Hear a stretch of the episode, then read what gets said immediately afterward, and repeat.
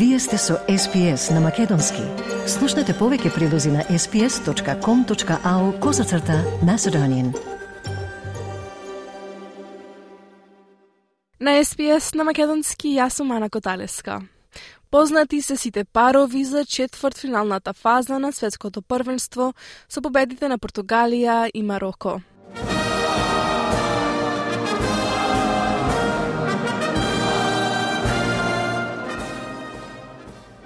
За време на интонирањето на химната на сенокешниот надпревар, сите очи беа вперени кон клупата на репрезентацијата на Португалија. Капитенот Кристијано Роналдо, може би и најдобриот играч на земјата досега, не се надпреваруваше во првиот дел од осми на финалниот надпревар против Швајцарија. На негово место за прв пат на ова светско првенство, а само втор пат за Португалија севкупно, беше 21 годишниот Гонсало Рамош. Така наречениот волшебник ко отвори резултатот во 17-тата минута, совладувајќи го швајцарскиот голман Јан Сомер. Во финишот на второто полувреме, португалецот Пепе го постигна вториот гол за репрезентацијата.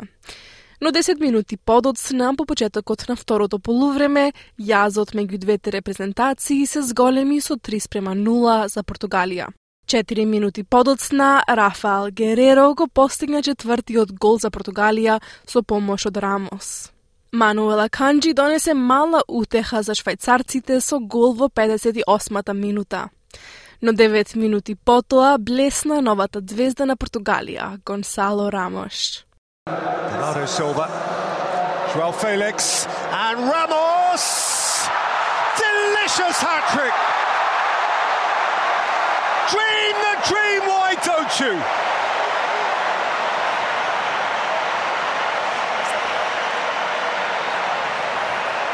The world is yours, sir. Тој е најмладиот човек кој постигнал хат-трик на светското првенство по пеле.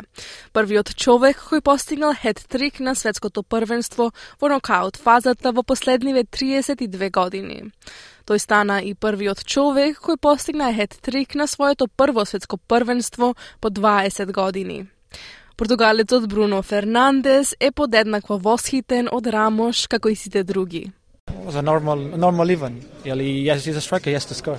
No, joking, joking, because he's obviously really young age, doing uh, his first game as a, as a starter in the World Cup.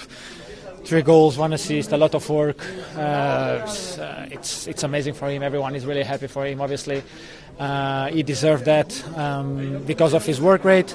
He gets his chance. He scored. He's important. He knew he was important before this game, and he will be important for the next games too. Even if he doesn't start, everyone is important because uh, we are 26 players that uh, everyone has to be ready. Навивашите славеа кога Роналдо конечно се појави како замена, а уште повеќе кога Рафаел Леао постигна гол, завршувајќи ја играта со 6 спрема 1 за Португалија. Во меѓувреме, Мароко беше последниот африкански тим на овогодинешното светско првенство. Во осми на финалето, по голема драма, Мароко во 120 минути одигра 0-0 против фаворитот Шпанија, а во пенал рулетот африканската селекција победи со 3 спрема 0 и се обезбеди дуел против Португалија во следната фаза. Мероканскиот херој беше голманот Боно, кој во серијата пенали ги одбрани сите удари од Швајцарија. Абделхаим Сабири и Хаким Зијеч придонесува кон 2 спрема 0 за Мороко. Но крајниот резултат им го донесе Ашраф Хакими, роден во Мадрид. Absolute star for the country that he chose to represent. Ashraf Hakimi can send Morocco into raptures of delight and most importantly into the quarterfinals. Oh, what a way to do it. Come and get me, guys. Job done for Morocco. Мароко е само четвртата африканска селекција која успеала да се пласира во четвртфиналето на едно светско првенство по Гана пред 12 години. На надпреварот и од арапскиот и од африканскиот свет имаше огромна поддршка за тимот познат како лавовите на Атлас. Тренерот Уалид Раграгои беше свесен за важноста на триумфот за Мароко и пошироко. Not just the players. I've said we need to give Africa its moment. We need to be ambitious. And that's what I told the guys and made sure they had it in their minds. And why not win the World Cup? even if it is difficult, because we have given a lot of our energy, but we have heart.